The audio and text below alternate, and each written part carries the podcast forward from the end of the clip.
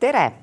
tänasel valimisdebatil keskendume rahvastiku, immigratsiooni, sündivuse ja lõimumise teemadele ja meil on stuudios väitlemas Urmas Reinsalu Isamaast, tere! tere hommikust! Lauri Läänemets Sotsiaaldemokraatlikust Erakonnast, tere! tervist, tervist! ja Jaak Madisson Eesti Rahvus, Konservatiivsest Rahvaerakonnast, tere hommikust, tere hommikust! EKRE kuulutab oma valimisloosungis, et päästame Eesti rahvusriigi, massimigratsiooni jätkumise korral muutub Eesti idaslaavi provintsiks. Isamaa jälle hoiatab, et kas Eesti jääb Eestiks, otsustatakse järgmise nelja aasta jooksul. no mis siis ohustab meie rahvusriiki? Urmas Reinsalu. Esiteks loomulikult meie riiki otsus, ohustab praegu kõige kesksemalt Venemaa agressioonisõda Ukrainas, aga kui me räägime Eesti rahva kestmisest, siis loomulikult on oluline see, et Eesti pered oleks kaitstud, et meil sünniks Eesti peredesse rohkem lapsi. Ja seetõttu ongi meie poliitika üles ehitatud sellele, et lisaks peretoetuste reformile tuleb ära teha ka pensionireform selles loogikas, et meil oleks iga lapse eest praegu saaks pensionär juurde aastas ühe kuu lisapensioni. Ja teiseks tuleb ära teha ka perekeskne tulumaksureform, et iga lapse eest oleks viis tuhat eurot tulumaksuvaba vabastust, sest me näeme ühte asja, et meie sündivus, mis olid viimased numbrid välja, on saja aasta kõige madalam ja see on kindlasti murettekitav ja teiseks selle kõrval olen meie veendumus, et me peame migratsiooni üle säilitama kontrolli, et Eesti, kindlasti Euroopa Liidus ei tohi migratsiooniküsimusi riikidelt pädevust otsustamisel ära võtta ning on äärmiselt oluline see, et me kaitseksime eesti keelt, sest meie rahvustunne on ennekõike keelepõhine. sellepärast me algatasime eesti keele kaitseseaduse, kahjuks Aitäh. selles koalitsioonis vastu võtta ei õnnestunud ja sellepärast on nii vajalik täies mahus rakendada eestikeelne haridus La. Lauri äh, Läänemets, teie valimisprogrammis rahvusriigile hukku otseselt ei äh, kuuluta või teie sellist ohtu ei näe? Me ei kuuluta hukku loomulikult, sest me tegeleme nende küsimustega ja meil on seal lahendused, kuidas äh, Eestit, Eesti rahvast hoida, Eesti kultuuri, eesti keelt hoida. ja toimetulek on otseselt äh, julgeoleku küsimus äh, tänases kontekstis ja kui me vaatame, mis on Eesti inimeste ja kui me räägime rahvastikust, kõige suurem mure, siis on inimeste toimetulek. hinnad on kalliks läinud, hinnad enam kahjuks odavaks ei lähe, isegi kui me tasuta elektrit jagaks aasta aega. et kogu maailmas on see juhtunud, et palgad peavad tõusma pensionid peavad tõusma, on meie eesmärk tõsta nii miinimumpalk kui pension tuhande kahesajale eurole. Ja kui perel on turvaline olla siis tulevad, sünnivad ka need lapsed, ma arvan, kõige suurem mure on see, kuidas täna alustav nii-öelda noor pere hakkama saab, kuidas ta oma elu alustab. et äh, kõige hullem asi, mis juhtuda saab, on see, et nad ei saa oma esimest last äh, või saavad selle nagu liiga hilja, kuna turvatunne on kehv, on ju äh,, elamistingimused äh,, elamisvõimalused kehvad. see tähendab seda, et teist äh, last on nagu raske oodata ja kolmanda lapsena ei, ei püüta jõuda, ehk siis, ehk siis Isamaa äh, EKRE poliitika, et keskendume ainult suurperedele Äh, on äh, liiga vähestele inimestele keskendumine? ei, me keskendume ja, kõikidele peredele ja ma arvan, väga oluline asi on ka tegelikult äh, head peresuhted, ka tegelikult vanemluse programmid. räägime, aga Jaak Madisson, EKRE valimisprogrammis räägitakse, et Eesti tuleb päästa massimigratsioonist ja kõlavad järgmised lubadused näiteks Ukraina põgenikega seoses. lõpetame viivitamatult põgenike Eestisse vastuvõtmise, tuleb lõpetada Eesti venestamine sulgeme idapiiri ja kehtestame piiridel kontrolli. kuidas te plaanite seda reaalselt eh, ellu viia, et uks lihtsalt kinni ja kõik? lihtsalt öeldes jah, loomulikult, noh siin kuna härrasmehed rääkisid rohkem, siis ma võtan endale õiguse võib-olla paari lausega pikemalt selgitada, et ma saan aru, et sotsialistid unistavad tasuta elektrist. paraku ükski parempoolne erakond seda lubanud ei ole, me lihtsalt oleme lubanud seda, et ka Lauri Läänemets saaks maksta elektri eest sama palju, kui ta maksis kaks aastat tagasi, milleks oli kolm senti kilovatt-tund. Äh, aga samal ajal Eesti Energia ehk riigifirma kasumid on rekordilised. Eesti riigifirma väärindades meie rahvuslikku rikkust, milleks on põlevkivi. nii et tasuta asju me lubanud ei ole ja seda me ka lubama ei hakka, kuigi sotsid sellest unistavad. teine asi, mis puudutab rahvusriigi püsimajäämist, siis absoluutselt öö, liigselt suur sisseränne, immigratsioon nii Euroopa Liidu kontekstis, kui me räägime kvootide kehtestamise soovist, mida on surutud meile peale kaheksa aastat ja millega esimest korda nõustus ka Hanno Pevkur siseministrina kaks tuhat kuusteist aastal kus rakendati esimest korda siis kvoodisüsteemi ümberjagamisel, äh, on täiesti vastuvõetamatu ja teine on ka loomulikult, äh, me räägime slaavi riikidest, et me oleme täitnud oma kohustuse igal moel Ukraina ees, me oleme aidanud Ukraina põgenikke solidaarselt, kuid igal riigil on piirid. me räägime siiski Eestist, kus eestlasi elab alla miljoni, umbes üheksasada viiskümmend tuhat. Eestis, kus juba täna kakskümmend viis protsenti inimestest on venekeelsed ja kui me lisame sinna juurde veel teadmata arvunumbrid inimesi, sest isegi keegi täna enam ei tea, isegi valitsuse tasemel, kui palju reaalselt on tulnud Ukrainast inimesi siia. Eelkõige Ida-Ukrainast, kus me räägime venelastest, mitte päris ukrainlastest. Ja väga palju ka suur hulk meestest kes on siia tulnud tegelikult Ukraina seadusi rikkudes. nii et kui EKRE siis, saab võimule, siis ükski põgenik enam Eesti pinnale lisaks. kui ta ikkagi piiri peale jõuab, siis on teine küsimus ja kui on põhjendatud alus arvata, et tegemist on äh, naiste ja lastega, kes päriselt põgenevad sõja eest, siis loomulikult äh, tuleb neid aidata, kuid kui nad tulevad rahumeelselt kuidagi Ida-Ukrainast, lähevad alguses Venemaale, reisivad läbi Venemaa, läbi agressorriigi siia piiri peale Äh, mind tõesti huvitab, et kuidas on võimalik üldse reisida põgenikuna läbi Venemaa, mitte reisida alguses Lääne-Ukrainasse, kus ilmselgelt on veidigi rahumeelsem olukord täna. Ja sealt edasi läbi, Poola piirile. läbi rindejoone äh, teed ettepaneku reisida. või? no vot, muidugi mingi loogika sinu tapja ja agressori poole veel parem minna, see on sotsialistide loogika, et noh, ilmselgelt äh, see loogika sealtpoolt ei päde täna, nagu see toimub, aga eelkõige me peame mõtlema selle peale, et kuidas me suudame tagada selle, et vene keel ei laieneks veelgi jõulisemalt, sest täna Äh, võib-olla tõesti äh, Türil või Järvamaal käies ei ole vene keel eriline probleem, kuid Tallinnas põhimõtteliselt me kuuleme igal sammul vene keelt ja see on aina kasvav probleem meie jaoks. Läänemets ja Reinsalu, et teie erakonnad on praegu valitsuses ja EKRE nagu süüdistab teid praegu siis Eesti venestamises, et mis te vastate sellele no,? Ma esiteks ütlen niimoodi, et see valitsus pole kindlasti muutnud äh, seda immigratsioonipoliitikat, mis oli siis, kui EKRE oli valitsuses, et äh, et äh, siseministrina võin öelda täpselt samad koodid, täpselt samad numbrid, me pole nagu suurendanud, pigem võib-olla isegi sellel aastal natuke vähem inimesi vastu võtnud, et et seal muutust pole olnud. aga need numbrid, millega need, me väga hästi teame. no palju, ütle meile numbri et äh, ei, see pole hetkel isegi tähtis meil on nelikümmend kaks tuhat inimest natukene peale, kes on saanud ajutise kaitse. ja peale seda lõpetati nii. arvutamine. aga ma ei taha sellele keskenduda no., sest see on bluff, millega Madisson tegeleb. aga sa ju ei tea numbrit. mina, mina tean numbrit. oodake, oodake, oota, oota, oota, oota, mina ei taha rääkida, te viite debati nagu sinna, kus kohas nagu probleemi ei ole. et kui me räägime eesti keelest ja eesti kultuuri püsimisest siis see ei ole Ukraina põgeniku, ei ole siin probleem, kes tuleb siia, enamus, valdav enamus neist läheb kohe koju tagasi. meil on olemas tehtud programmid, et nad taha, kui nad tahavad tagasi minna, Eesti riik toetab seda, kõik need võimalused on loodud, kui sul kodu ei ole või see on okupeeritud ala, sa ei saa minna, aga nad tahavad tagasi minna ja me pingutame selle nimel, et neid ka nagu aidata koju tagasi.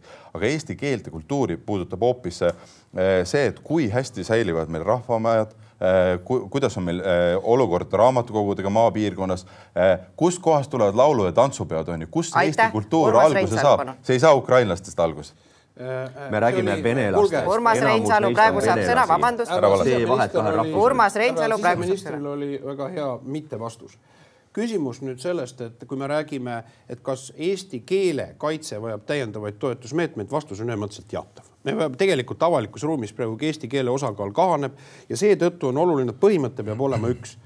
avalike teenuste pakkumisel eestlasel peab olema õigus tagatud, et ta saab äh, teenuseid ja kaupu Eesti, suhelda äh, eesti keeles teiseks, eestikeelsele haridusele üleminek, see on selle noh, poole aasta valitsus olnud äh, valitsuse, ma arvan, kõige suurem strateegiline otsus lisaks riigikaitse ja julgeoleku teemadele. kolmandaks, nüüd, mis puudutab äh, Ukraina sõjapõgenikke, me peame selgelt aru saama, eristama selle, et mis on migratsioon, kus inimesed tulevad siia püsivalt. teine on tegelikult ajutiselt äh, siin olevad sõjapõgenikud, kelle staatus on siin ajutine. et neil staatus on sellel ajal, kuni kestab see sõda, mis on tõepoolest, me tegelikult ei ole keegi võimelised ütlema sõja lõppu, aga loodetavasti on, on see mm, lühemas perspektiivis kui pikemas. nüüd probleem sellest, mis on seotud sellega, et äh, meil oli väga suur oht, oli Vene kodanike valgumine üle meie piiride, sajad tuhanded, kui me vaatasime läbikäimine siit. see oli Eesti algatus, Eesti tegelikult äh, sulges äh, Vene kodanikele turi, selles üldpõhimõttena piirid, mis või, ja meie algatusega läksid, tulid kaasa ka teised Euroopa Liidu Venemaa piiri, maismaapiiri omavad riigid. mis on nüüd probleem, mida ma ütlen, et valitsuses meil on olnud eriarvamused, minu veendumus on see, et me peame, et me tegelikult äh, sõjas oleva äh, surmavalt äh, ohtliku agressorriigi, naaberriigina, meil peab olema ülevaade selgelt, kes siin riigis on, et tuleb kehtestada registreerimiskohustus äh, kolmandate riikide inimestele, loomulikult mitte turistidele. ja teiseks, me peame kehtestama kontrolli sisepiiridel. me tegime ühe minu äh, nõudmise peale ka ühe kontrolli ja mis sellest kontrollist välja tuli, oli nii-öelda lõunapiiril oli nädalaks nendest inimestest, kes tulid ka idapiiri, deklareeris, et nad on transiidil ehk siis, et lahkuvad riigist. suur hulk inimesi Äh, rohkem kui tegelikult meelt, riigi territooriumist lahkus. ma arvan, et see on, on probleem ja ma pean tunnistama, et ma olen valitsuses korduvalt nõudnud, et siseminister peab tegutsema aktiivsemalt, aga meil on jäänud siin nii-öelda äh, liberaalsem ja minu jaoks Aitäh, äh, minimaalse hoolsuskohustusega tugevam seisukoht on jäänud rakendamata. ma olen sellega. kahe tuhande inimese puhul tõesti oli see kuu aega tagasi, kus ei teadnud ja Politsei- ja Piirivalveamet võttis ükshaaval kõik need inimesed ette, et sellega tegeletakse. Lisaks ukrainlasi läheb oluliselt rohkem Eestist täna välja, kui nüüd äh, siia tuleb ehk äh, ja minu arvates ongi viga, et me keskendume nii-öelda sellele ajutisele probleemile, me peame Ukrainat aitama, ma arvan, me oleme kõik seda, seda meelt, on ju. ja mees sõdib rindel siis hästi, kui tema naine, laps on tagalas hoitud. aga Eestis me võiksime hoitud. Eestis ikkagi aga, teada, kui palju neid ja me teame, ma ütlen, me teamegi, kahte tuhat inimest ei teadnud paar kuud tagasi ja Politsei- ja Piirivalveamet suudab need kaks tuhat inimest Eestist üles leida. see oli kuu aega tagasi ei teadnud, kas paar kuud. aga kas me võime aga, öelda, kui palju neid siin praegu täpselt on, ma saan aru, et osad on ennast ära registreerinud, osad ei ole. saanud nelikümmend kaks tuhat inimest, need on siin aga, aga on... meil ei ole siiski, Lauri, inimeste registreerimiskohustust, siin on ka ajutiselt asuvad Vene kodanikud. selle ettepaneku ma valitsuses ka tegin ju, et äh, nad jah, aga ja. kes siis selle vastu oli? mina nõudsin seda, ettepaneku tegi Läänemets. et Kulge. aga millegipärast jäi aga... ma tahan oma mõtte lõpuni, kui tohib, ja et minu arvates keskendume nii-öelda see, need põgenikud lähevad siit ära, enamus neist läheb ära et keskenduda valele kohale. sellel ajal, kui te siin tegelete põgenikega, on meil re reaalselt, pannakse meil rahvamajad kinni, kultuurimajad, aga kust tulevad laulupeod, need ei tule nagu Tallinnast, need tulevad äh, maapiirkondadest, on ju. et kui me räägime sellest, et kuidas Eesti kuu, kultuur ja keel kestaks, meil on vaja tegeleda sellega, sellega, et väikekoolid püsiks, et need rahvamajad püsiks, meil on regionaalpoliitika, me peame vaatama nendest suurlinnadest välja. seal on see eesti keel ja kultuur. ma, ma, ma olen täiesti nõus, kusjuures äh, selles mõttes, et äh, siseminister on pärit maapiirkonnast ja ma saan inimlikult aru, et sa väga hästi mõistad äh, väikepiirkondade probleemi, kus, äh, kus rahvamajad pannaksegi kinni ja regionaalpoliitika läbi kukkunud. kuid minu teada on kultuuriminister täna sotsialist Piret Hartman, kes on pigem silma paistnud meedias sellega, kuidas ta võitleb punamonumentide eest, et mida ikka ei tohiks maha võtta ja kuidas me peame hakkama hindama, et kas mingid viisnurgad majade seintel on kultuuriväärtus omaette. et ma ütleksin nagu sellise soovituse, et, et paraku, et kui teie käes on portfell, kes arendab Eesti kultuuri, äh, peaks edendama Eesti rahvuskultuuri. kultuur pole nii palju raha kunagi saanud selle veel aastal, nii palju pole Urmas, kunagi raha saanud. Urmas Reinsalu, mina tahan küsida.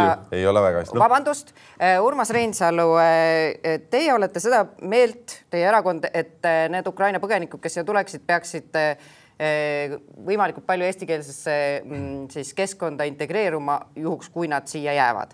samal ajal, kui meil on siin praegu kaheksa tuhat kolmsada last, kes käivad koolis, siis neist kaks tuhat ehk iga neljas õpib ikkagi vene koolis Teie erakonnast tuleb haridus- ja teadusminister, on see läbikukkumine? ma ütlen nõnda, et eh, meie käsitleme Ukraina sõjapõgenikke loomulikult siin ajutisena, vastavalt sellele, nagu neil ongi tegelikult ajutine kaitse antud sõja ajaks. meie jaoks kindlasti eh, me peame ideeliselt eh, valeks suunaks, et need lapsed, neid lapsi asetada Vene võimendada seda, et vene haridussüsteemi, aga praktikas tõepoolest, kui me hakkame liikuma üleminekul eestikeelse haridussüsteemile, siis meie eeldus on see, et Eesti venekeelne haridussüsteem ju kaobki ära tegelikkuses.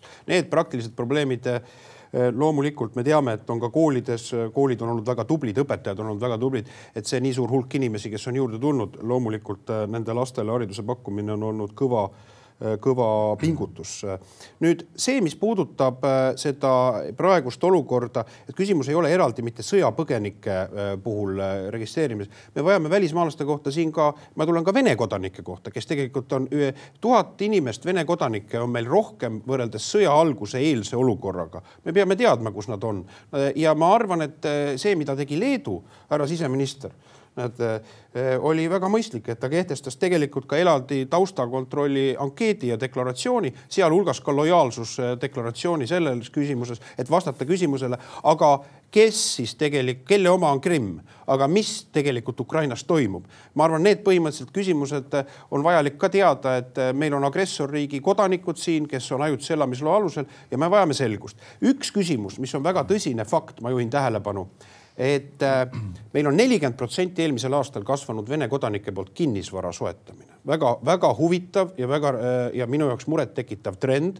mitmed Euroopa riigid on asunud Vene kodanikele, äh, Venemaalt siis äh, püsielanikena, Vene kodanikele kinnisvara omamist piirama. härra siseminister lubas seda augustikuus, et vaadatakse üle Vene kodanikele kinnisvara piiramine, kuid kahjuks, kahjuks ei ole seda ettepanekut tehtud. sellel ajal, kui või välisministri tasemel, mina olen tehtud, teinud selle ettepaneku, tuleks kehtestada üle-euroopaline seadus. Lauri Läänemets. mina, ma ütlen, et vaata, see ongi niimoodi, et et äh, see fookus on siin äh, immigratsioonil, samal ajal äh, mis Jul, sa julgeolekul, julgeolekul. mis sa tegeled, miks sa tegeled nagu äh, nii-öelda sellega, kus kohas põhiprobleemi ei ole? kas sinu jaoks ei ole probleemi, kui sada, sadu kinnisasju ostavad ära agressori kodanikud, kes tulevikus omandavad tegelikult ka riiki sisenemise õiguse? aga vaadake. aga mi, miks see analüüs augustikuus? kui sul Eestis lapsi ei sünni, kui sul inimesed maapiirkonnast ära kolivad, onju, siis see on nagu see koht, kus kohas, kui me räägime Eesti rahvast, kui me räägime Eesti kultuurist, Eesti riigi püsimisest, me peaks tegelema Eesti inimestega, onju aga te keskendute alati, fookus läheb kuskile mujale. küsin, kas selline ja. analüüs seda tehakse, millal see tuleb? ja ma olen äh, palunud seda teha, et ma ei tea, kuna ta tuleb, et, äh, et loodetavasti järgmisel kuul äh, saab valmis või ülejärgmisel, et mis puudutab seda, et kas venelased saavad või Vene kodanikud siis saavad osta omale kinnisvara riigikaitseliste objektide ümber on ju. ei, ma räägin kokku kinnisvara üldiselt. see on, see on Urmase. isegi Urmase Türgi seab piiranguid. ja, ja. igal juhul fakt on, fakt on see, et töötab hästi. Sõbralikult ja. ei, meil on väga põhimõttelised erinevad arusaamad. meil ongi erinevad arusaamad, mina ütlen, et Eesti julgeolek on Eesti inimeste toimetulek. Teie keskendute sellele, et, et äh, kuidas saab ühe või teise rahvusega tegeleda äh, ja, ja kus kohas Eesti inimene saab tegeleme.... muide, fakt on see, et fakt on tegelikult see, et äh, kuigi eelmine aasta oli sündide arv Eestis viimase saja aasta väiksem, siis kasvas Eesti rahvastik siis kokku kahe protsendi võrra ja selle kohta ütleb näiteks rahvastikuteadlane Allan Puur, et selliseid näitajaid me näeme ainult äh, Aafrika riigis. et viimane küsimus sellel teemal, kas me peaksime ikkagi mingisuguse vastuvõtuvõimekuse piiri siin kehtestama või seda ei ole vaja teha? palun igaühelt, kas jah või ei ja, ja kui, siis kus see piir on? See on välja arvutatud, see piir on teada, kus kohas Eesti vastuvõtuvõimekus ammendub. me oleme sellest väga kaugel, et pigem me läheme sellest kaug kaugemale, sest põgenikke tuleb vähem. üle piiri tuleb sada inimest, neist üle viiekümne läheb iga päev siit kohe edasi. samas need, kes siia on tulnud, lähevad Eestist edasi. see ma tean, et te tahate oota, nagu hirmutada rahvast, aga, aga see ju ei ole nagu see selles mõttes ei ole probleem. oota, ma tahtsin küsida kus see piir on, kas selle piirini on veel aega? ja selle piirini on väga palju tõesti? aega. ja selle piirini on väga palju aega. ja kus see piir on? vaata, kus see piir on? see, see ongi see pare, parempoolse poliitika mure, kus on mõlemad paremerakonnad. vabandust, kaks aastat tagasi oli piir väidetavalt kakskümmend tuhat põgenikku. et me peame kolmkümmend tuhat põgenikku. täna me räägime. mina ei ole öelnud kakskümmend, kolmkümmend tuhat põgenikku. ei, aga see oli hinnatud spetsialistide poolt, mis, mis on Eesti võimekus. saanud kuuskümmend kaheksa tuhat inimest, vot seal on piir. see on piir. täna on nelikümmend kaks ja see väheneb et äh, Eesti tundub olevat imemaa terves Euroopas ja maailmas, kus meie piir on kordades kõrgem kui üheski teises riigis. aga see on huvitav see, et, äh, et mis see su lahendus on, et me ei aita nagu Ukrainat või? et jätame selle Ukraina sinna. me aitame ma, ja me oleme, me oleme aidanud kordades rohkem kui kõik teised riigid kokku Euroopas. me rohkem aidanud, aga meil on ka piir, sa pead mõtlema ka oma inimeste peale. ma saan aru, et sotsialistid tahavad päästa tervet maailma vaata, vaata. ja oma inimestest on ükskõik, aga meie mõtleme eelkõige oma inimeste peale. kuuskümmend kaheksa tuhat. jah, ja see on väga kaugel ja see on väga kaugel, see on see koht, kus kohas me normaalselt, normaalselt normaalselt neid nii-öelda aidata enam ei saa. aga mida me äh, peame Urma... tegema, me peame tegema niimoodi, et me aitame ukrainlasi, sest see on ka meie sõda. aga teine asi, me ei saa oma inimesi ära unustada ja mind nagu häiribki see, et te keskendute ainult ukrainlastele, venelastele, aga oma inimestest üldse rääkida ei taha. vastupidi, sa keskendud just tervele muule Nii, maailmale. aga me räägime inimestele. nüüd ka oma inimestest, aga me räägime nüüd äh, Ida-Virumaast et kuidas lõimida meie ühiskonda inimesi, kes siin elavad ja kes ei kõnele eesti keelt ning kes leiavad, et need ka näiteks vene inimesed, kes on õppinud ära eesti keele, et nemad on fašistid ja et eestikeelsele õppele üleminek on genotsiid. et eh, nii nagu rääkis Katri Raik, et kui meil on sellised inimesed, siis kuidas me neid lõimime? palun, Urmas Reinsalu. Eesti riik ja ma arvan, et selle sõda on olnud väga tugev äratus kogu Eesti ka rahvale. me peame ennast siin kehtestada, kehtestama ja see tähendab seda, et meie riigis kehtivad meie reeglid me paneme, lapsed peavad õppima eesti keeles, inimesed peavad, ähm, kes on ka välisriigi kodanikud ja siin püsivalt elavad, peavad äh, alluma meie seadustele ja kui ei alluta meie seadustele või ollakse agressorriiki toetavad, siis tuleb nad siit riigist äh, välja saata. ja kolmandaks, mis puudutab nüüd äh, eesti keele kasutust avalikus ruumis jah, keeleseadus tuleb jõustada ka Ida-Virumaal, et tegelikult tuleb ka Keeleametile anda tugevamaid hoobasid, ka sanktsioneerivamaid hoobasid et küsimus sellest niisugusest abstraktsest nunnutavast lõimumisest, mida me oleme inimpõlve jooksul rääkinud, me oleme näinud, et selles on tugevad lüngad sees.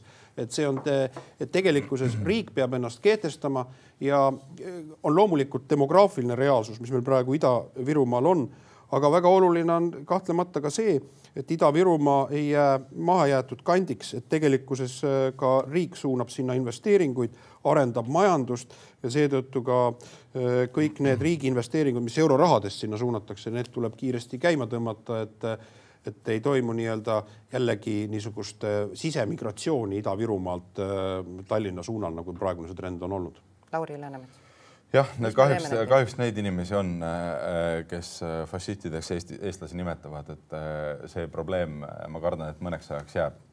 aga Äh, inimene, kui me vaatame kas julgeolekuraporteid või me vaatame viimaseid arvamusuuringuid, on ju, et kuidas äh, paljud venelased äh, Eestisse suhtuvad, siis see sõltub sellest, et kuidas neil nii-öelda majanduslikult läheb. ehk kui sul on olemas töö, saad oma lapsi normaalselt kasvatada, sul on olemas elukoht, siis sa usud sellesse riiki, kus sa elad ja sa oled oluliselt avatum keeleõppeks, seda kultuuri omandama ja kõike muud. mis meil on suur probleem, on see, et me läheme eestikeelsele haridusele üle Äh, meil on vaja paljusid Ukraina sõjapõgenikke õpetada äh, eesti keeles rääkima, meil lihtsalt pole eesti keele õpetajaid. meil on küll programm, äh, kus me praegu proovime võimalikult palju eesti keele õpetajaid välja koolitada, aga neid eesti keele õpetajaid ei ole ja see seab nüüd selle piiri, meil on kasvanud siin elavate venekeelsete inimeste hulk, kes tahavad õppida eesti keelt, meeletult tahavad täna, kes tahaks isegi oma Vene kodakondsusest loobuda, sellepärast neil ei ole aktsepteeritav see, see tegevus, mida see Vene riik teeb, onju. aga, aga noh, eesti keele õppimise see probleem. ehk siis nii palju kui võimalik äh, jätkuvalt toimetulek, kui inimesel läheb hästi, siis ta sellesse riiki usub ja sellesse riiki panustab. ehk toimetulek ka sellesse Vene, äh, Vene küsimuses on otseselt äh, rahvuslik julgeolek. Jaak Madisson no eile siin saime ka Putinilt kuulata, et lääs tuleb kallale ja Saksa tankid on minemas taas Vene armee vastu, et mm, et sellised sõnavõtud, mida tegelikult ju ka siin elavad inimesed osad neist usuvad, et mida teha? kuidas siis neid lõimida? ma arvan, et see lõimimine on väga sihuke üle afišeeritud sõna viimased kolmkümmend aastat olnud, et me üritame justkui sulandada kaks väga tihti erinevat, erineva ajaloonägemusega rahvusrühma ühte, et sellest tekib justkui mingisugune hübriid et ma arvan, et see tihtilugu on võimatu äh, sellisel nii-öelda väga pehmel viisil, et me oleme üritanud kolmkümmend aastat rääkida sellest, kuidas äkki nad hakkavad iseenesest integreeruma siin ja, ja et, et ma arvan, ma arvan, et see on ilmselt olnud selline unistusteooria, mis, mis pole nagu paika pidanud Aga.... kuid, äh, kuid äh, kui me räägime ikkagi nii-öelda kõigest, mis algab, on see haridus. täna on probleem olnud pigem selles, et meil on siiski väga palju vene perekondi, kus on selge valik panna oma laps vene lasteaeda, sealt edasi vene kooli. ta lõpetab öö, äh, olematu eesti keele oskusega gümnaasiumi ja siis ta avastab, et tema võimalused ülikooli minna on suhteliselt olematud. ta läheb tööturule, tema tööturuvõimalused on piiratud, ilmselgelt tema sissetulek, majanduslik toimetulek on kehvem ja sealt tekib juba see, et äh, ilmselgelt äh, ma ei tea mitte ühtegi Eesti sõpra, ma ei tea Eesti uudiseid ja ma usungi Vene propagandat ja ma arvangi, et äh, Russki Mir on kõige olulisem asi maailmas. E, et aga siin sellist nagu pehmet asja, me oleme raisanud tegelikult inimpõlve, ligi kaks inimpõlve juba, et minna üle eestikeelsele haridusele, kuid seal omakorda probleem on see, et kuidas saada eesti keele õpetajat juurde. täna keskmine Eesti õpetaja vanus on üle kuuekümne eluaasta esiteks noori tuleb vähe peale ja teiseks need, kes tulevad, eelistavad minna tööle Tallinnasse, Tartusse või Pärnusse, kenadesse kohtadesse, mitte Ida-Virumaale. kusjuures üks Nii, keskerakondlane tõi siin äh, hea lahenduse välja, ütles, et seda küll mitte Nii. avalikult, aga tema ütles, et aga võtame sealt Eesti koolidest need vene keele õpetajad ära ja paneme nad äh, vene koolidesse eesti keelt õpetama no, ja ongi probleem lahendatud. hoiatasime, et kui me ei panusta õpetajate palkadesse väga palju, ei tõsta õpetajate palka väga kiiresti ja palju, siis juhtubki nii, et kuna Ida-Virumaal on täna palgad kõrged õpetajatele, et tulge siia õppima, siis tõmbame Eesti maakoolid äh, tühjaks. see on see põhjus, miks, me, miks me õpetajate palka oleme nii palju tõstnud, kakskümmend neli protsenti sellel aastal ja miks, äh, miks sotsiaaldemokraadid tahavad saja kolmekümne protsendi. aga ainult ka see ei motiveeri, ma rääkinud mitme õpetajaga, et teile makstakse nüüd kolmandiku võrra kõrgemat palka, kui elad Ida-Virumaal, ei, ma ei lähe sinna, ma ei taha minna Narva või kuskile Kohtla-Järvele. Ehk siis eh, probleem ongi see, lihtsalt see koht ei tõmba ja seetõttu ütleme noh, minu arusaam nagu asjast väga vabandan, eks ole, kõikide liberaalide eest. kui meil on olemas ametikohad Eestis, kus riik on sinusse investeerinud omandamaks eriala, me räägime päästjast, me räägime äh, kaitseväelasest, me räägime ka politseinikust, siis kui me oleme investeerinud sinusse vastavas valdkonnas, mis on riigile eluliselt oluline, siis sa pead teatud aja töötama riigi heaks ja sama, aga tänasel päeval on meil kaks eriala, kus on riigil meeletu puudus, õpetajad ja meditsiinitöötajad. me investeerime neisse meeletult palju maksumaksja raha ja samal ajal nad võivad sulle öelda, tšutšufrei, ma lähen Soome või ma lähen sinna, kus mulle meeldib. et see on põhimõtteline vahe. Urmas, jah, me langetasime selle otsuse, et me tõstame, Tõnis Lukase ettepanek oli, et ka Ida-Virumaal on kehtestatud äh, lisatasu õpetajatele. ma arvan, et see oli mõistlik, ma ei taha seda, seda ette käändada, et ei tule toime, ei saa hakkama. see on täpselt sama retoorika, kes poliitiliselt on olnud umbusklikult eestikeelsele haridusele üleminekut, kasutavad seda argumendina, et mitte midagi teha. ja nüüd on väga oluline see, et me suudame tegelikkuses eestikeelse hariduse äh, programmi ellu viia, sest seadus eraldi võetuna veel seda ei taga. nüüd tuleb see tegelikkuses rakendust, me nägime kutsehariduses, oli ka kahe tuhande kaheksateistkümnendaks aastaks pidi täielik üleminek olema, aga nüüd me läheme, on tegelikult ka Ida-Virumaal seal venekeelsed äh, kutsekoolid.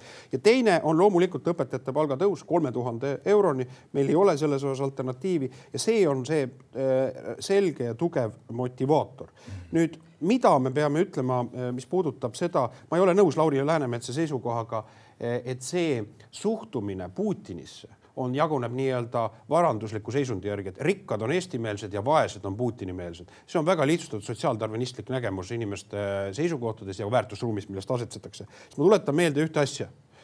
üheks, üle üheksakümne protsendi Vene kodanikest, kes käisid viimastel Vene valimistel valimas, valisid Putini üheksakümmend neli protsenti. üheksakümmend neli protsenti valisid Putini. see on ideoloogiline hoiak ja see ei sõltu niivõrd varanduslikust seisust ja loomulikult me peame panustama sinna, et kõik inimesed, kes siin elavad, et neil oleks sissetulekud suuremad. selle põhimõtteks peab olema, eelduseks peab olema, et meil on stabiilne majanduskeskkond, et me ei tõsta makse mida sotsiaaldemokraadid välja pakuvad Kas ja et me suudame tagada no. selle, et meil on äh, majanduses äh, rohkem investeeringuid, sealhulgas ka investeeringuid väljapoole. kas Vene kodanikud äh, peaksid kohalikel valimistel saama hääletada? ma saan aru, et selles osas Isamaa ja EKRE seisukoht on, et ei, aga ma ei ole täpselt aru saanud, mis on kohe- kohe Sotsiaaldemokraatliku Erakonna programmis on kirjas. ma kohe vastan võin- ma kohe vastan sellele küsimusele, aga alustuseks ma ütlen, et te räägite jälle Vene kodanikest, mina ei rääkinud Vene kodanikest, ma rääkisin, siin on need, kellel ei ole kodakondsust, need inimesed, kellel on äh, vene emakeel ja, ja, ja rahvuslik taust on ju,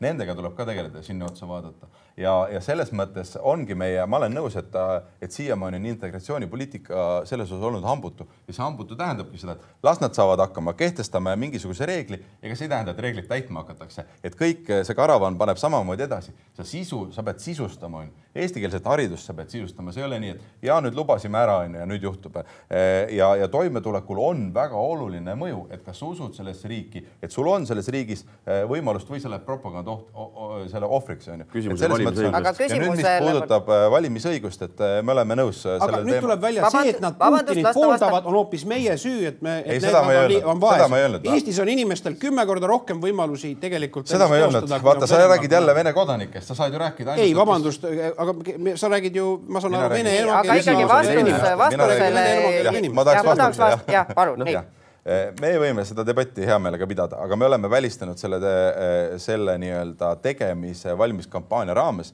sest mul on üks julgeoleku küsimus, millele keegi ei ole osanud vastata. mitte keegi ja keegi pole seda suutnud ka analüüsida. et äh, kui me äh, võtame ära, ma ei tea, pooltel Narva elanikel, natuke rohkem vist on ju, Sillamäel vist oli kahel kolmandikul elanikel võimaluse nii-öelda valimistel oma arvamus välja öelda, see tavaliselt tähendab, noh, on kontrollitud viis riigi, kontrollitud viis riigi poolt äh, nii-öelda meelsuse avaldamiseks. Nii et te- vastus on see, et ei vasta praegu sellele las küsimusele. las ma seletan ära selle, selle asja, see on ei, oluline. ma saan aru, et kui on palju, see on see, et kui on. ei vaadake, küsimus on see, aga kuidas nad hakkavad siis oma meelsust väljendama, see läheb põranda alla, et kuidas me seda riigi poolt aga kas, kas Päris- õige on siis meelsust avaldada nii, et et nad valivad need juhid on sinna, kes on venemeelsed? kes on Eesti kodanikud. see on ikka kallis Nad hind. saavad valida ainult neid, kes on Eesti kodanikud. kelle hulgas on ka selgelt Putini meelseid. kahjuks on Narvas on nii, et meil kallis saavad, saavad ei tõesti ole. olla ainult Vene kod-, Eesti Katri kodanikud, aga selgub, et Narvas ei sotsialist, volikogus räägitakse vene keelt.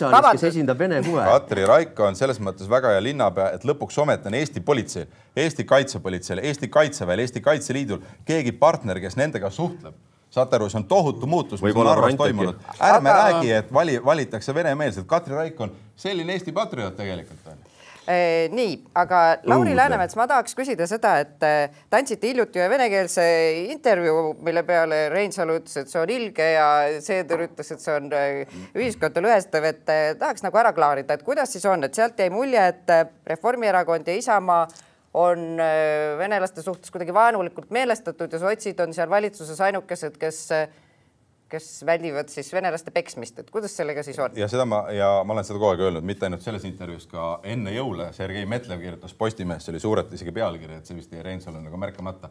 aga äh, jah, meie roll on olnud see, et seesama näiteks valimisõiguse äravõtmine, me ei peaks tegema seda valimiskampaania raames.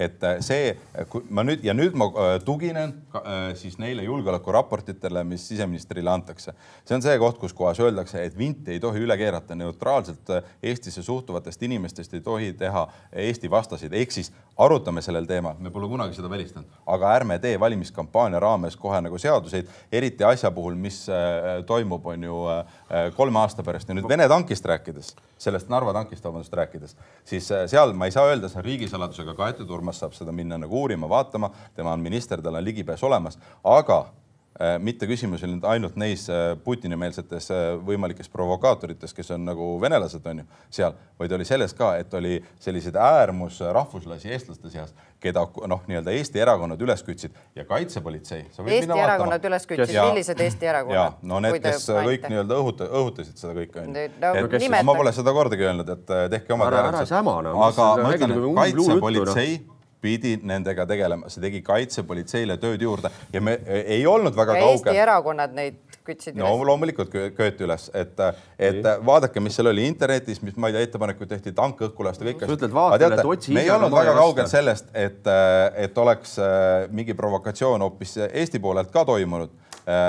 ja, ja siis me oleks selle probleem, oluliselt suurema probleemi ees olnud. nii et see nii-öelda mõlemal poolel oli neid inimesi, kellega kaitsepolitsei pidi tegelema. kiire kommentaar Äh, et ja. ja kiire kommentaar, et esiteks see on nagu noh, isegi mitte tippklassi, vaid madala klassi hämamine ja teiseks, kui öeldakse, et me ei peaks arutama valimisõigust mitte Eesti kodanikel valimisõigus kohalikel valimistel, ära sega me vahele ei peaks seadust muutma valimiskampaania raames. aga sa ei oska isegi, arutada oota, sa, sa ei oska isegi kuu aega enne valimisi öelda, kas te toetate seda või mitte. kuidas peaks üks Eesti valija nüüd teadma valimistel, kui valin sotsialiste, saan seda või toda? No vastus oli selge, ei oli vastus, vastus oli ei. mina ütlen, et ja mul ei olegi võimalik seda toetada enne, kui me vastame selle julgeoleku küsimusele, aga sa ei suuda vastata. Sa oled siseminister. Tee see analüüs ära. Ei, see ei ole niimoodi, see ei ole Ärme hakka vaidlema, valimised ei Urmas saab mingi küsitlusmeelsuseks, see on liiga kallis hind, millega mängida. see, mida sa, Lauri, teha vigu me ei oleme- taha, siis sa ütled, analüüsime nõnda edasi.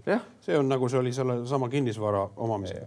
nüüd see, mis on tegelikkuses, ma ütlen, et see on sulaselge vale, et Eesti julg-, see on poliitiline küsimus, mida otsustab parlament, et eh, julgeolekuasutused ütlevad, et Vene kodanikelt ei tohi ära võtta valimisõigust. seda nad ei ütle, seda nad ei ütle. Nii, esimese vale tuvastasid. ei, ei, Urmas, Urmas, sa pead kuulama mind, sa võtad, võta ja nagu raport, oli põhimõtteline hinnang, mis jäid väga segaseks. Sa olid palju täpsem selles venekeelse Delfi intervjuus puudutavalt sellesse, et mulle konkreetselt minu erakonda sisustavalt, et Isamaa valit-, Isamaa partei otsekui ässitab mingisuguseid äärmuslasi üles, et panna terroriakt, mis on esimese astme eh, kuritegu Eesti Vabariigis oli uus sõna. Ma pole kunagi aga terroriakti sa kõnelesid kasutanud. selles, et panna toime provokaat-, provokatsioon, et parteid ässitavad. sellest- milline partei see siis Ma konkreetselt on, kõnelesin- et riigisaladusega kaetud paberis seda öeldakse. ma väidan ühemõtteliselt, et ei ole niisugust Aga vaata, seda ma ei olegi Laurile öelnud. anname siis sõna. Sa ise viitasid ju, et mingid Jaa, parteid. aga mine võta, sul on võimalik võtta kaitsepolitsei neid äh, raporteid, sa tegelikult oleks võinud lugeda seda toona, kui me tankiasjaga tegelesime. Televaatajal ei ole võimalik. ei jaa, televaatajal ei Ja ole, aga Reinsalul, Reinsalul on Võimalik. manipuleerid praegu on- tegelikult selle nii-öelda saladuse kattevarjuga. ja kaitsepolitsei ei ütle kunagi ühegi Eesti erakonnaga kohta midagi, see on tõesti minul siseministrina on kohustus vaadata, mis seal kirjas on. aga sa ise mi- kaks minutit tagasi erakondadele ja viitasid, et mingid erakonnad ja sa olid väga delikaatne. seega siis nad ei öelnud mingeid erakondi, seega sa valetasid. kuna, kuulge, kuna veel parem. Ütle erakondi või öelnud. ärme nüüd ühe inimese kallal. ma nagu siukest, te olete nagu siuksed koolis, koolikiusajad. ei ole, Lauri, ei ole, Lauri. sikutame loomulikult, ma olen maailmavaatelised. see on väga tõsine põhimõtteline etteheide. aga siis ma saan aru, et seal kapo äh, memos ikkagi ühtegi erakond, Eesti erakonda ei nimetatud. kunagi seda öelnud, ma olen öelnud kahte asja, need panevad kokku, onju, ma olen kahte asja öelnud. üks asi on see, et selline nii-öelda vindi ülekeeramine, onju, toob kaasa probleemid ja seda teevad teatud Eesti erakonnad, seda ma olen öelnud, onju Eh, ja, ja teine asi on see, mis puudutas tanke on ju neid provokatsioone, aga ärme pane neid kokku ja ütle, et siin on mingisugune terroriakt ja niisugused sõnad, mida ma pole kasutanud, on ju. ma saan aru, et maailmavaateliselt olen mina see, kes eh, tõesti näeb seda, et, et ühiskonnas peaks jõukus nagu võrdsemalt jagunema, on ju, et ja et peale eh, Valga ja Tallinna peaks Ida-Virumaal ka inimesed sellest jõukusest osa saama, et riik oleks turvaline. ja ma ei, ma ei pruugi nagu. Valgas saadakse jõukusest osa või? Aga anna andeks, lugupeetud siseminister, kui sa praegu räägid seda, et me ei, me ei taha konflikte ja ma olen sada protsenti nõus, et meie vastutustunne, noh, eriti nendel, kes valitsuse vastutust kannavad, on tegelikult selles, et me ei, äh, ei provotseeri inimeste rahvuspõhist konflikte. Ja siis sa esitad üles oma intervjuu sellisesse retoorikasse. Sina kaitsesid tanki ja viisid selle varjule, sest tegelikult natsionalistlikud parteid tahtsid inimesi üles ässitada, et seda panki õhku lasta. see oli tegelikult kogu selle üks ja selge noh, mõte. ja ma arvan, et see vastupidi vene inimestes annab tegelikkuses edasi hoopis teistsuguse ja provokatiivse platvormi asetamise. aga nüüd me, nüüd me lõpetamegi selle teema, sest me tahame, kell on palju ja me tahame rääkida ka peredest ja iibest. nii, nii et tõmbame tuurid alla ja, ja räägime, et kuigi eelmisel aastal siis Eesti rahva rahvaarv kaks protsenti eh, tõusis, siis tegelikult oli ka sajandi kõige madalam sündivus ja nüüd on siin eh, siis valitsus eh, kolmelapselise ja rohkemate perede toetusi hüppeliselt tõstnud. see on toonud kaasa siis süüdistused ka muuhulgas ebavõrdses kohtlemises, aga Urmas Reinsalu hiljuti oli üks artikkel, kus kolmelapselise pere ema kirjutas seda, et kui Äh, sellest suurpereste toetusest võidab tema eksmees, kes põhimõtteliselt on pere maha jätnud ja, ja nüüd peab vähem maksma selle võrra, et toetus tõusis. mis te vastate talle?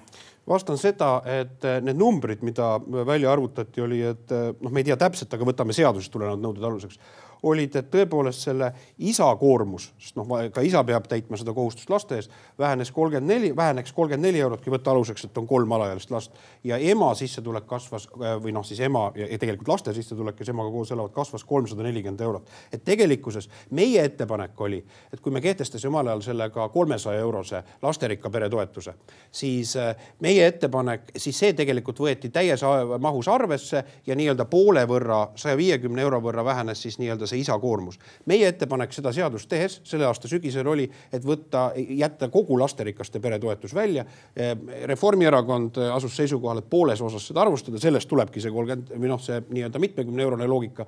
et äh, ma kindlasti arvan seda, et see, see no, erinevate nüanssidele võib arvestada, arvutada, aga põhimõtteliselt loomulikult selle ema sissetulek äh, äh, kasvas selleks, et ta saaks oma laste eest paremini hoolitseda. aga isa saab oleme... ka kolmkümmend eurot preemiat, et. isa peab ka panustama laste kasvatamisse selles loogikas, et on väga kahetsusväärne, et pered, eh, sellepärast tulebki ka vanemlust, eh, vanemluse programme aidata, et pered oleksid koos, aga elus on ka selliseid peremudeleid. mis on oluline, ma tahan siin ühe põhimõttelise asja ka ümber lükata. meie eelnõu, mis me esitasime, neli erakonda, sotsiaaldemokraadid seal loobusid, aga eh, mäletate eelmise aasta kevadel parlamendis, seal oli meil tegelikult iga lapsetoetuste võrdsustamine, sada eurot iga lapse pealt ja Isamaa ei olnud kunagi vastu sellele ja ka meie programmis on sees, et esimese ja teise lapse toetus oleks ka sada eurot ja meie ka oma programmis ütleme seda. aga tõsi on, ennekõike majanduslikel kaalutlustel oli sellele vastu koalitsiooniläbirääkimistel Reformierakond. aga eh, kas ma ei tea, kas te olete jõudnud täna Ignatjuki artiklit Postimehest lugeda, eh, seal arvamusartiklis eh, ta pöörab tähelepanu ka sellele, et kõik need sellised toetused, eriti paljulapselistele peredele, võivad hoopis pikas perspektiivis meie rahvusriigile ja selle säilimisele halba teha, sellepärast et need meelitavad siia ka kolmandatest riikidest inimesi ja siin me ei mõtle mitte Ukraina põgenikke või, või äh, venelasi, vaid, äh, vaid hoopis äh, teise kultuuriruumiga inimesi, kus juba on väga viljakas sündivus ja, ja nendel, et, et me jaa. jõuame samasse olukorda, kuhu on tegelikult migra- Rootsi jaa, juba aga selle tõttu tulebki vältida neid Rootsi vigu, tulebki meie migratsioonipoliitika hoida kon- konservatiivne ja kindlasti konservatiivses suunas seda ka vaadata üle ettepanekuid, et kindlasti meil ei, me ei tohi olla läbikäiguhoov kogu maailmale. Ja see loogika, põhimõtteline valik on ikkagi selles, meil on nii väike sündivus, meie rahvaarv, eestlaste arv siin riigis tegelikkuses, kui me vaatame ka inimpõlvede perspektiivis, on kahanemas meie eesmärk peab olema see, et eestlased jääksid siin maal enamusse ja see meede ei ole mitte migratsioon laiali võetuna, kus me tegelikult rahvaarvu püüame nagu tasakaalustada, käsitleme inimesi kui tööjõudu lihtsalt niisuguses marksistlikus loogikas, vaid meie eesmärk peab olema see, et loomulikult panustada lasterikkusesse.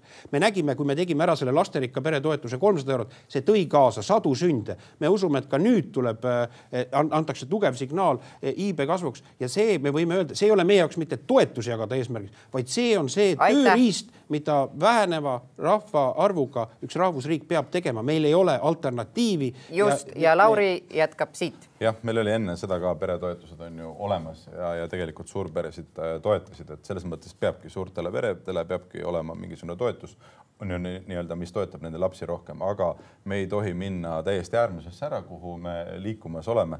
kas teie siis vähendaksite seda lasterikka pere toetust,, me teeme, me, meil on valimisprogrammis tõesti, et me teeks selle süsteemi õiglaseks, ehk siis esimene ja teine laps oleks äh, ka väärtustatud Äh, ja, ja sotsiaaldemokraatide Aga te säilitaksite lasterikka pere toetuse? sotsiaal, loomulikult säilitame No näed, see on oluline. aga, aga teeks õiglasemaks. et, et sotsiaaldemokraadid fokusseerivad lapsele.